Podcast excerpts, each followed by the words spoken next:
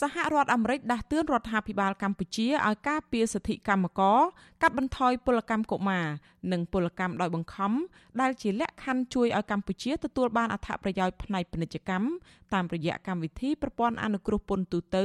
ហៅកាត់ថា GSP សហរដ្ឋអាមេរិកគូបញ្ជាក់ថាកម្ពុជាបានទាញយកប្រយោជន៍ពេញលេញពីកម្មវិធីនេះហើយបានបង្កើតការងាររាប់ពាន់កន្លែង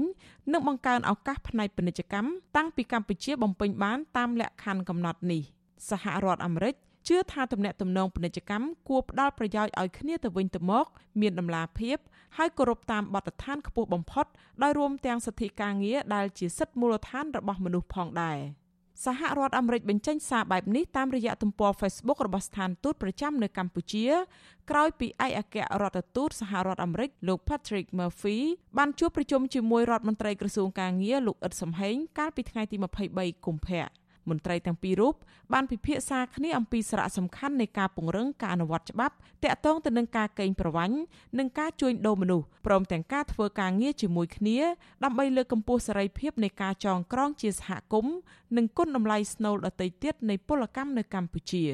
ស្ថានទូតអាមេរិកលើកឡើងទៀតថាសហរដ្ឋអាមេរិកនិងកម្ពុជា មានគោលដៅរួមគ្នាក្នុងការកាត់បន្ថយកម្លាំងពលកម្មកុមារនិងការធ្វើពលកម្មដោយបង្ខំ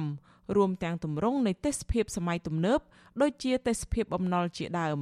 ប្រទេសមហាអំណាចមួយនេះលើកទឹកចិត្តដល់អាជ្ញាធរកម្ពុជាកាត់ទោសជនល្មើសនិងការពារជនរងគ្រោះព្រមទាំងការពារកុំឲ្យមានបទល្មើសជួញដូរមនុស្សអាស៊ីសេរីមិនអាចតាក់ទងแนะនាំពាក្យក្រសួងការងារលោកហេងសួរដើម្បីសាកសួរបន្ថែមអំពីរឿងនេះបានទេនៅថ្ងៃទី26កុម្ភៈ ទោះជាយ៉ាងណា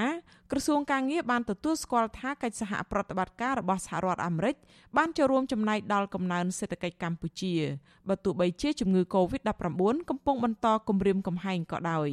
ក្រសួងការងារឲ្យដឹងតាម Facebook នៅថ្ងៃទី23ខែកុម្ភៈថាកម្ពុជាពេញចិត្តនឹងកិច្ចសហប្រតិបត្តិការជាមួយសហរដ្ឋអាមេរិកដែលជួយបង្កើតការងារជូនកម្មករនិយោជិតក្រសួងបញ្ជាក់ថាបើទោះបីជាកំពុងប្រឈមទៅនឹងវិបត្តិជំងឺ Covid-19 ក៏ដោយក៏ការនាំចេញផលិតផលពីកម្ពុជាទៅកាន់ទីផ្សារសហរដ្ឋអាមេរិកមិនបានធ្លាក់ចុះទេ មានតែកើនឡើងថែមទៀតបើប្រៀបធៀបទៅនឹងទីផ្សារប្រទេសដទៃ ក្រសួងការងារបញ្ជាក់ថាក្រសួងឯកភាពជាមួយសហរដ្ឋអាមេរិកក្នុងការបន្តពិនិត្យចំណុចមួយចំនួននៃច្បាប់ទាំងឡាយដែលត្រូវធ្វើបច្ចុប្បន្នភាពដើម្បីការអនុវត្តកាន់តែទទួលបានប្រសិទ្ធភាពខ្ពស់ប្រធានសហភាពការងារកម្ពុជាលោកអាត់ថុនមានប្រសាសន៍ថាការលើកឡើងរបស់ស្ថានទូតអាមេរិកនេះជាសារមួយបញ្ជាក់យ៉ាងច្បាស់ថារដ្ឋាភិបាលកម្ពុជាត្រូវពិនិត្យមើលចំណុចខ្វះខាតទាំងឡាយ